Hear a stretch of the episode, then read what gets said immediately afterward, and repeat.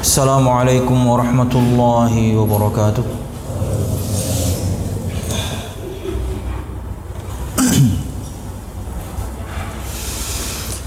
إن الحمد لله نحمده ونستعينه ونستغفره ونعوذ بالله من شرور أنفسنا ومن سيئات أعمالنا. من يهده الله فلا مضل له ومن يضلل فلا هادي له. أشهد أن لا إله إلا الله وحده لا شريك له وأشهد أن محمدا عبده ورسوله. قال الله تعالى في القرآن الكريم أعوذ بالله من الشيطان الرجيم. يا أيها الذين آمنوا اتقوا الله حق تقاته ولا تموتن إلا وأنتم مسلمون. يا أيها الناس اتقوا ربكم الذي خلقكم من نفس واحدة وخلق منها زوجها وبث منهما رجالا كثيرا ونساء واتقوا الله الذي تساءلون به والأرحام.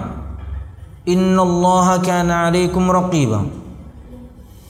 يا أيها الذين آمنوا اتقوا الله وقولوا قولا سديدا.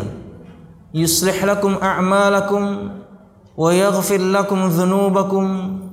ومن يطع الله ورسوله فقد فاز فوزا عظيما. فإن أصدق الحديث كتاب الله وخير الهدي هدي محمد صلى الله عليه وسلم.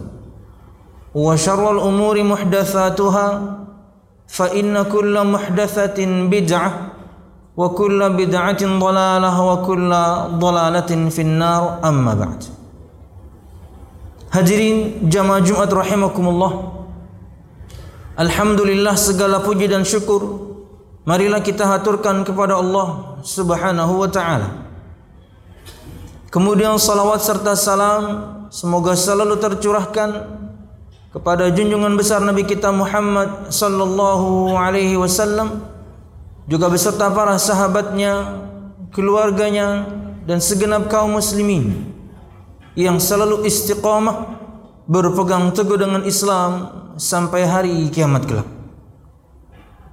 Hadirin jamaah Jumat rahimakumullah.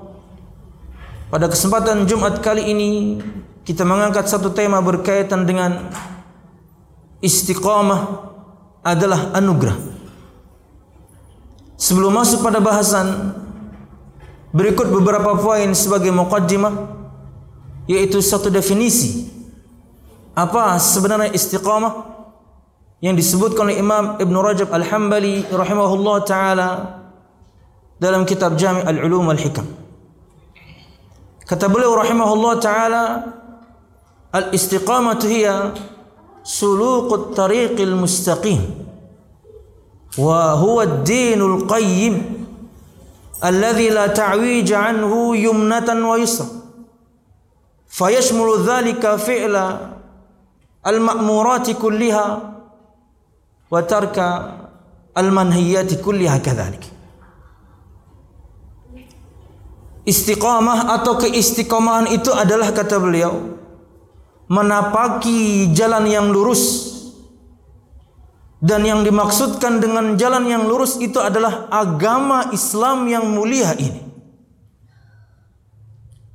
di mana tidak ada bengkok atau belok ke kanan atau ke kiri. Maka makna ini kata beliau mencakup mempraktekkan semua perintah-perintah Allah dan meninggalkan semua larangan-larangan Allah Subhanahu wa taala. Artinya dari definisi dari Imam Ibn Rajab ini kita tahu bahwasanya yang namanya istiqamah adalah takwa itu sendiri. Ketika seorang menjalankan perintah-perintah Allah Subhanahu wa taala sesuai dengan kemampuannya tidak bisa kita maksimal meninggalkan larangan-larangan Allah Subhanahu wa taala semaksimal yang kita bisa. Maka di saat yang sama itulah keistiqomahan. Karena dia sedang menapaki jalan yang lurus. Dia bukan cuma memeluk agama Islam tapi dia menjalankan ketaatan kepada Allah Subhanahu wa taala. Makanya pada poin yang kedua Imam Qatadah rahimahullah taala seorang ahli tafsir dari kalangan tabi'in menafsirkan firman Allah Subhanahu wa taala berkaitan dengan keistiqomahan dengan ketaatan. Allah Subhanahu wa taala berfirman dalam surah Al-Ahqaf ayat 13 Innal ladzina qalu rabbuna Allah thumma istaqamu fala khaufun 'alaihim wala hum yahzanun Sesungguhnya orang-orang yang mengatakan Tuhan kami adalah Allah Subhanahu wa taala kemudian mereka istiqamah. Maka tidak ada ketakutan bagi mereka dan tidaklah mereka bersedih hati. Kata Imam Qatadah ai istaqamu ala taatillah.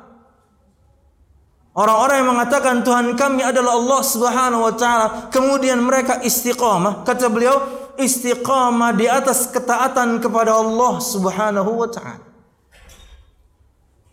Jadi makna istiqamah itu takwa itu sendiri. Ketika seorang melakukan perintah dan meninggalkan larangan. Jamaah Jumat rahimakumullah. Dan masuk pada bahasan tema kita bahwasanya istiqamah adalah anugerah. Ini adalah poin yang ketiga bahwasanya keistiqomahan ketakwaan selama ini yang kita lakukan ketika alhamdulillah kita menjalankan perintah alhamdulillah kita bisa meninggalkan larangan. Sabar kita dalam kedua hal tersebut karena semuanya perlu kesabaran. Kalau tidak sabar pian tidak pernah akan bisa ke masjid ini. Kalau pian tidak sabar pian akan lakukan semua maksiat itu Maka semua yang kita lakukan selama ini, baik menjalankan perintah Allah atau meninggalkan larangan Allah Subhanahu wa taala itu anugerah. Itu pemberian dari Allah Subhanahu wa taala. Itu karunia. Dalam surah Al-An'am 39. Allah Subhanahu wa taala berfirman, "Man yasha'illahu yudlilhu wa man yasha'illahu yaj'alhu 'ala siratin mustaqim." Barang siapa yang Allah kehendaki dia Allah Subhanahu wa taala akan menyesatkannya. Dan barang siapa orang yang kehendaki dia, Allah akan berikan dia petunjuk ke jalan yang lurus.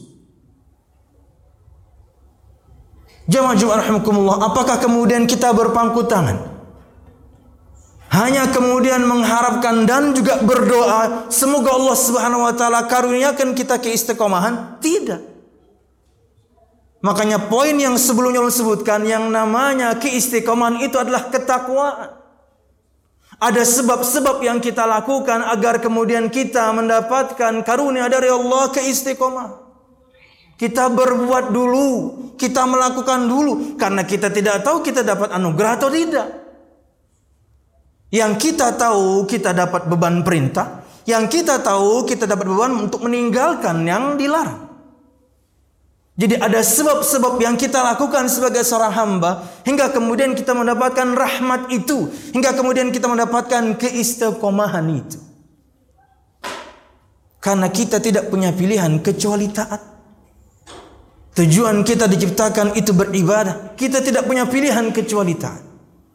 Al-Ahzab 36 Allah Subhanahu wa taala berfirman, "Wa ma kana lil mu'minin wala mu'minatin idza qada Allah wa rasuluhu amran ayyakuna lahumul khiyaratu min amrihim. Tidaklah patut untuk seorang mukmin dan mukminah jika Allah Subhanahu wa taala dan rasulnya telah menentukan satu hukum, entah itu perintah ataupun larangan. Mereka memiliki pilihan dalam perkara tersebut. Artinya kita enggak punya pilihan. Kecuali mentaati Allah Subhanahu wa taala dan rasulnya dan meninggalkan larangan Allah Subhanahu wa taala dan rasulnya. Dan inilah semboyan seorang muslim. Sami'na wa ata'na. Kami dengarkan dan kami taati. Perintah kami lakukan. Karena pasti begitu banyak manfaat dan faedah di balik sebuah perintah. Itu pasti. Berkata Syekh Sa'di rahimahullah ta'ala. Tidak ada satu perintah kecuali di baliknya begitu banyak manfaat. dan tidak ada satu larangan kecuali di baliknya begitu banyak madarat. Kita tidak pernah tahu itu. Tapi kita menjalankan pasti di baliknya begitu banyak manfaat menanti. Kita kemudian meninggalkan pasti begitu banyak kemaluan menghadang kalau kita kemudian terobos larangan itu. Jamaah Jumat rahimakumullah. Allah Subhanahu wa taala berfirman dalam surah Ali Imran 132, "Wa atiullaha war rasul la'allakum turhamun." Dan taatilah Allah Subhanahu wa taala dan rasulnya agar kalian mendapatkan rahmat. Itulah yang dimaksudkan dengan keistiqomahan ketika seorang mendapatkannya. Dia melakukannya dulu, dia berusaha dulu. Ada perintah Allah dia lakukan, ada perintah Nabi Muhammad dia lakukan. Ada larangan Allah Subhanahu wa taala dan Nabi juga dia tinggalkan. Tanpa ragu. Ayat Allah pasti benar, sabda Nabi Muhammad yang sahih, ingat ada embel-embel yang sahih, pasti benar. Maka tidak boleh seorang ragu akan perintah Allah dan juga larangan. Dilakukan semua hal tersebut, maka rahmat Allah akan kita dapatkan. Ingat jemaah, sabda Nabi Muhammad sallallahu alaihi wasallam, "Ma minkum min ahadin yudkhiluhu 'amaluhu al-jannah." Tidak ada seorang pun di antara kalian yang karena amalnya lah yang memasukkan dia ke surga Allah. Tidak ada. Karena amal kita terlalu sedikit. Amal kita sangat kurang. Jika kemudian dengannya kita mengharapkan surga Allah. Artinya kalau misalnya surga layaknya barang yang kemudian kita beli dengan amal kita, enggak cukup uang kita ini. Lalu para sahabat bertanya wahai Rasulullah, "Wala anta ya Rasulullah?" Tidak juga engkau wahai Rasul. Artinya adalah tidak juga karena amalmu wahai Rasul yang menyebabkanmu masuk surga Allah Subhanahu wa taala. Kata beliau, "Wala ana." Tidak juga saya. Dan kita tahu bagaimana amal Nabi Muhammad SAW. Kita tahu bagaimana amal Nabi Muhammad SAW. Diceritakan oleh Aisyah radhiyallahu anha bagaimana salat malam beliau. Kita tidak bahas yang wajib-wajib ya. Yang sunnahnya. Salat malam beliau disebutkan kata Aisyah. Adalah Rasulullah sallallahu alaihi wasallam salat malam hingga kemudian tumitnya pecah-pecah hingga kemudian betisnya mengeras karena saking lamanya berdiri kencang kulit betisnya dari lutut sampai mata kaki itu namanya betis. Karena saking lamanya berdiri kata beliau radhiyallahu anha jangan kau tanya bagaimana indahnya salat Nabi Muhammad. Jangan kau tanya bagaimana lamanya salat Nabi Muhammad. Kita tahu amal Nabi Muhammad. Ini baru bahas salat dan baru bahas salat sunnah dan baru bahas tahajud. Kita belum bahas yang lain. Kembali kepada hadis yang pertama, tidak juga engkau wahai Rasul, tidak juga karena amalmu yang menyebabkanmu masuk surga Allah Subhanahu wa taala. Karena surga Allah pertama kali dibukakan untuk Nabi kita Muhammad sallallahu alaihi wasallam. Ati babal jannah fa astaftihu fa yaqulu al khazinu man anta fa aqulu ana Muhammad bika umirtu alla aftaha li ahadin qabla. Dalam riwayat Muslim. Aku kelak akan mendatangi pintu surga dan aku akan minta bukakan. Kemudian penjaga pintu surga mengatakan, siapa kamu? Kemudian aku mengatakan, aku Muhammad. Kemudian penjaga pintu surga mengatakan, hanya untuk kamulah aku membukakan pintu ini untuk pertama kali. Memang tersirat bahwasanya penjaga pintu surga tidak tahu siapa Nabi Muhammad karena tugas dia jaga pintu dari awal diciptakan.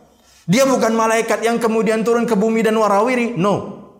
Makanya dia bertanya, siapa kamu? Saya Muhammad. Oh, hanya untuk kamu saya diperintahkan untuk membuka pintu ini pertama kali. Kembali ke hadis yang pertama. Tidak juga engkau wahai Rasul. Bukan karena amalmu yang menyebabkanmu masuk surga Allah Subhanahu wa taala kata Nabi Muhammad, juga bukan saya subhanallah. Dengan amal yang sedahsyat itu bukan karena itu. Kata Nabi Muhammad SAW, Illa ayyataghammadani Allah birahmati. Kecuali bedanya adalah Allah telah melimpahkan rahmatnya kepadaku. Seseorang mendapatkan anugerah keistiqomahan itu karunia dari Allah. Maka bersyukurlah kepada siapapun di antara pian. Ketika pian mudah menjalankan ketaatan ini, berbaik sangka kita kepada Allah Subhanahu wa taala inilah keistiqomahan yang Allah anugerahkan kepada kita. Karena banyak orang di waktu yang sama seperti ini, muslim mereka, lelaki mereka tidak semudah kita menjalankan ketaatan saat ini. Karena bisa jadi mungkin dia sedang safar, terlepas dari memang betul-betul ada orang-orang yang tidak peduli dengan Jumatan, tidak peduli dengan ketaatan.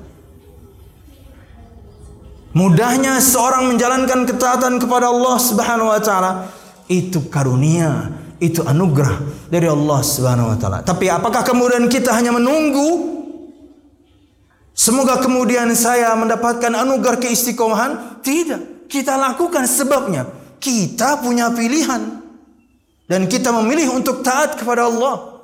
Kita memilih untuk meninggalkan larangan Allah dan juga Rasulnya Muhammad sallallahu alaihi wasallam. Disebutkan dalam sebuah riwayat dari Anas bin Malik radhiyallahu anhu. Beliau bertanya kepada Nabi Muhammad sallallahu alaihi wasallam, "Kenapa wahai Rasul? Engkau begitu banyak sekali mengulang-ulang doa yang berbunyi Ya muqallibal qulub Thabbit qalbi ala dinik Ya Allah ya Tuhanku Yang maha membolak-balikkan hati Mantapkan, kokohkan, teguhkan aku Berjalan di atas agamamu Istiqamah Definisi pertama Kata Anas bin Malik radhiyallahu anhu amanna bika wa bima ji'ta bihi fa hal takhafu alaina wahai rasul kami beriman kepadamu kami beriman dengan yang diturunkan kepadamu. Kami beriman kepada Al-Quran dan As-Sunnah. Kami beriman. Apakah kamu takut akan iman kami? Hingga kok kemudian doa engkau wahai Rasul. Mantapkan, kokohkan aku selalu di atas agamu. Engkau takut akan iman kami wahai Rasul. Kami beriman kepadamu. Jawab Nabi Muhammad SAW. Iya. Subhanallah. Yang kita bicarakan seorang sahabat generasi terbaik umat ini. Sama seperti hadis ketika Nabi Muhammad takut ria itu menimpa para sahabat yang beliau ajak bicara kala itu para sahabat. Akhwafu ma akhafu alaikum asyirkul asghar fasu'ila anhu faqala ar-riya. Satu perkara yang aku paling takutkan akan menimpa kalian itu syirik yang kecil. Wahai Rasul, apa itu syirik kecil? Ria beramal untuk dilihat orang, beramal untuk didengar orang, beramal untuk dibicarakan orang. Siapa yang Nabi Muhammad sedang hadapi? Sahabat.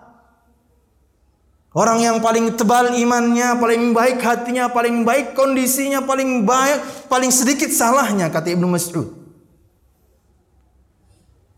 Orang yang paling baik hatinya, paling baik keadaannya karena hidup bersama Rasulullah.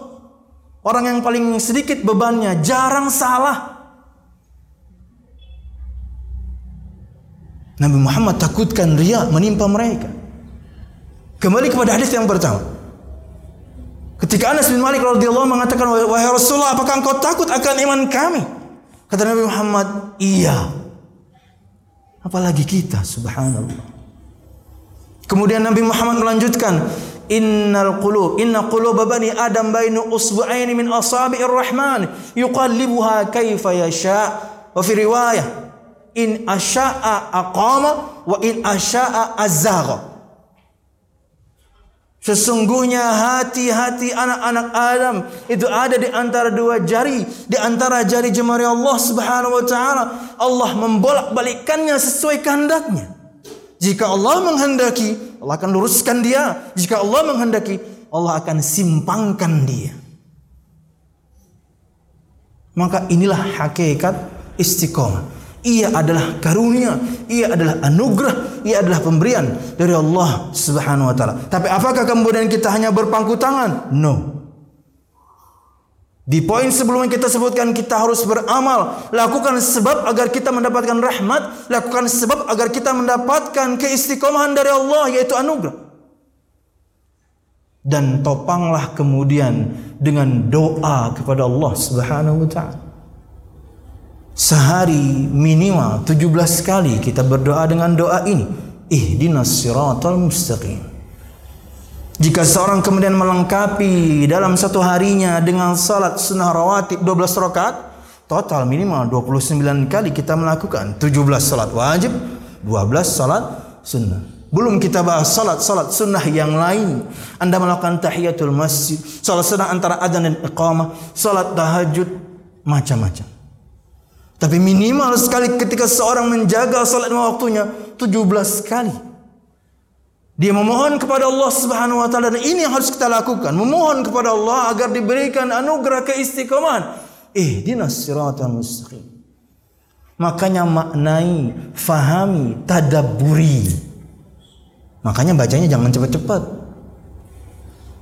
Karena ketika kita sedang membaca surah Al-Fatihah di poin ihdinas di, di ayat ihdinas siratal mustaqim itu seorang hamba sedang berdoa.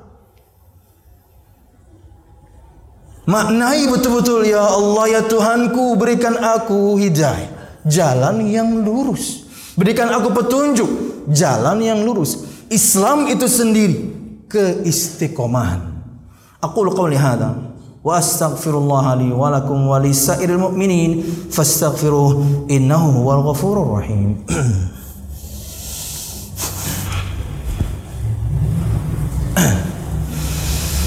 Alhamdulillah الحمد لله الذي هدانا لهذا وما كنا لنهتدي لولا أن هدانا الله والصلاة والسلام على أشرف الأنبياء والمرسلين محمد صلى الله عليه وسلم وعلى آله وأصحابه أجمعين الذي حارب الباطل وأيد الحق وطمس الرذائل وأحيا الفضائل وتمم مكارم الأخلاق وهدى الناس إلى صراط مستقيم صراط الذين أنعم الله عليهم من النبيين والصديقين والشهداء والصالحين وحسن أولئك رفيقا Hadirin jamaah Jumat rahimakumullah. Pada khutbah kedua ini sebagai penutup maka berikut adalah lanjutan dari firman Allah Subhanahu wa taala Al-Ahqaf 13 dan 14 yang menunjukkan kepada kita akan sebuah janji dari Allah Subhanahu wa taala dan keutamaan. Untuk orang-orang yang mengatakan Tuhan kami adalah Allah kemudian mereka istiqamah. Berdoa mereka setiap hari agar diberikan anugerah. Mereka lakukan sebab agar kemudian diberikan anugerah. Mereka beramal untuk mendapatkan anugerah keistiqamahan tersebut menjalankan perintah dan meninggalkan larangan. Allah Subhanahu wa taala berfirman Innal ladzina qalu rabbuna Allah thumma istaqamu fala khaufun 'alaihim wala hum wala hum yahzanun. Ulaika ashabul jannati khalidina fiha jazaa'an bima kanu ya'malun. Sesungguhnya orang-orang yang mengatakan Tuhan kami adalah Allah, semua kita alhamdulillah. Kemudian mereka istiqamah, itulah yang sedang kita lakukan. Berdoa kita setiap hari memohonnya dan ada sebab yang kita lakukan agar kita mendapatkannya. Beramal saleh, takwa. Perhatikan janji dari Allah Subhanahu wa taala dan Allah tidak pernah ingkar janji. Fala khaufun 'alaihim wala hum yahzanun. Maka tidak ada rasa takut bagi mereka dan mereka juga tidak bersedih hati. Apa maksudnya? Di antara maknanya adalah tidak ada rasa takut bagi mereka dengan apa yang mereka akan hadapi. Alam barzakh. Karena semua kita akan ditanya oleh Allah Subhanahu wa taala melalui malaikatnya. Pertanyaan yang sekarang kita sudah tahu jawabannya. Nabi Muhammad SAW sudah bocorkan jawabannya. Eh, pertanyaannya, artinya kita tahu jawabannya. Pertanyaannya cuma tiga. Siapa Tuhanmu? Apa agamamu? Siapa nabimu? Dari sekarang kita tahu pertanyaan itu dan kita bisa jawab. Tuhan saya adalah Allah, agama saya Islam, Nabi saya Muhammad Rasulullah SAW. Orang kafir pun dari sekarang tahu itu. Orang munafik pun dari sekarang tahu itu. Tapi ketika di alam barzah, apakah mereka bisa jawab? No yang Allah kuatkan imannya yang bisa jawab. Makanya di antara sunnah Nabi Muhammad SAW, ketika kita mengembumikan salah seorang di antara saudara kita kaum muslim yang meninggal duluan, doanya cuma dua. Bukan doa yang macam-macam, apalagi berhari-hari, apalagi sampai tiga hari. No, no. Kata Nabi Muhammad SAW dari Uthman bin Affan radhiyallahu anhu. Setiap kali Nabi Muhammad SAW mengabumikan sahabatnya, beliau berkata, mohonkan kepada Allah Subhanahu wa taala untuk saudara kalian kekuatan iman. Karena dia sekarang sedang ditanya. Cuma doa itu saja yang kita ulang-ulang. Mohonkan ampunan untuk dia dan mohonkan kepada Allah untuk dia imannya kuat. Karena sekarang dia sedang ditanya, jadi sekarang. Makna dari sekarang artinya bahwasanya ketika liang sudah ditutup, malaikat itu turun langsung. Ada sebagian orang memahami bahwasanya selama kita tidak pulang, malaikat enggak menanyai. Apalagi kemudian kita diam di sana beberapa hari membacakan Quran, malaikat enggak turun. Itu pemahaman kita. Tapi dari sabda Nabi Muhammad kita tahu, fa innahul ana yus'al. Istaghfiru li akhikum was'alu lahu tathbit fa innahul ana yus'al. Mintakan ampun kepada Allah untuk saudara kalian ini dan mintakan kepada Allah agar imannya dikuatkan karena dia sekarang sedang ditanya. Sekarang. Begitu ditutup. Maka perkara yang seperti ini adalah janji dari Allah Subhanahu wa taala untuk orang-orang yang beriman dan istiqomah. Mereka tidak merasa takut. Karena mereka meyakini insyaallah mereka bisa jawab pertanyaan itu karena imannya dikuatkan. Walahum yahzanun. Janji yang kedua. Dan mereka tidak bersedih hati apa maksudnya? Bersedih akan perkara-perkara yang dia tinggalkan. Kenapa? Karena dia meninggalkan kebaikan. Jadi enggak bersedih mereka. Orang-orang yang beriman dan kemudian istiqomah dengan ketakwaan mereka enggak sedih. Kenapa? Karena jejak yang mereka tinggalkan. Di antaranya anak-anak soleh yang mereka tinggalkan. Mereka didik dengan baik anaknya. Kemudian anaknya Alhamdulillah menjadi anak yang soleh. Itu jejak kita Pak. Sesibuk apapun pian dengan pekerjaan pian selalu luangkan waktu. Jangan berikan waktu sisa, luangkan waktu. Mereka ingin kemudian menyampaikan kepada anda hafalan mereka. Mereka ingin menyampaikan kepada anda apa yang mereka bisa dari sekolahannya. Dengarkan pak. Alhamdulillah kalau di Banjarmasin tidak seperti di Jakarta ya. Pergi kerja anak masih tidur, pulang kerja anak sudah tidur. Alasannya sangat kuat. Saya mencari nafkah untuk keluarga. Talbis. Tipu daya iblis. Betul anda mencari nafkah. Tapi kewajiban anda, anda tinggalkan. Mendidik anak-anak ini menjadi anak yang saleh. Agar tahu kalau khutbah berdi sampaikan, jangan ngobrol. Bisa jadi orang tuanya ada, nih anak-anak yang di belakang nih. Bisa jadi nggak ada. Nah, ketawa lagi mereka.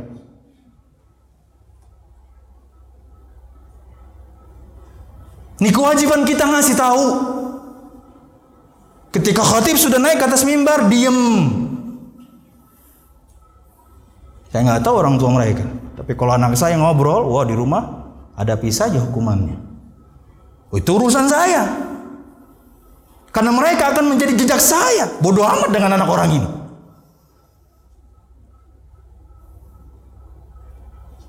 Mereka tidak bersedih kenapa mereka tinggalkan banyak kebaikan.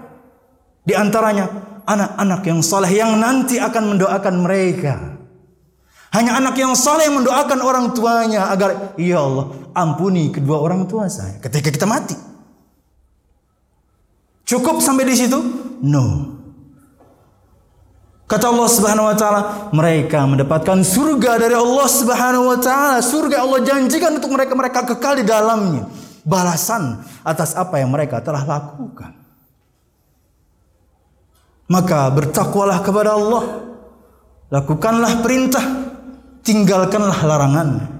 Lakukan sebab untuk mendapatkan rahmat itu. Lakukanlah sebab untuk mendapatkan keistiqomahan itu. Sambung kemudian dengan doa maknai resapi tadabburi. Ya Allah, berikan saya jalan yang lurus. Tunjukkan pada saya jalan yang lurus. Hingga kemudian tiga keutamaan tadi. kita dapatkan insyaallah dunia alam barzakh dan tentunya akhirat kelak amin ya rabbal alamin ini yang bisa ulun sampaikan mudah bermanfaat salah dan khilaf ulun mohon maaf mudahan kemudian semua kita diberikan anugerah keistiqomahan dari Allah Subhanahu wa taala hingga kemudian dengannya kita menjalankan perintah dan kemudian alhamdulillah mudah kita meninggalkan larangan amin ya rabbal alamin Allahumma aqsim lana min khasyatika ma tahulu bihi bainana wa baina ma'siyatik wa min ta'atika ma tuballighuna bihi jannatak wa min al-yaqini ma tuhawwinu bihi alaina masa'ib ad-dunya ومتعنا الله بأسماعنا وأبصارنا وقواتنا أبدا ما أحييتنا واجعله الوارث منا واجعل ثأرنا على من ظلم. يا أرحم الراحمين. ربنا هب لنا من أزواجنا وذرياتنا قرة أعين واجعلنا للمتقين إماما. ربنا لا تزغ قلوبنا بعد إذ هديتنا وهب لنا من لدنك رحمة إنك أنت الوهاب. اللهم إنا نسألك حسن الخاتمة ونعوذ بك من سوء الخاتمة. أرحم الراحمين. اللهم إنا نسألك الجنة وما قرب إليها من قول أو عمل. ونعوذ بك من النار وما قرب إليها من قول أو عمل.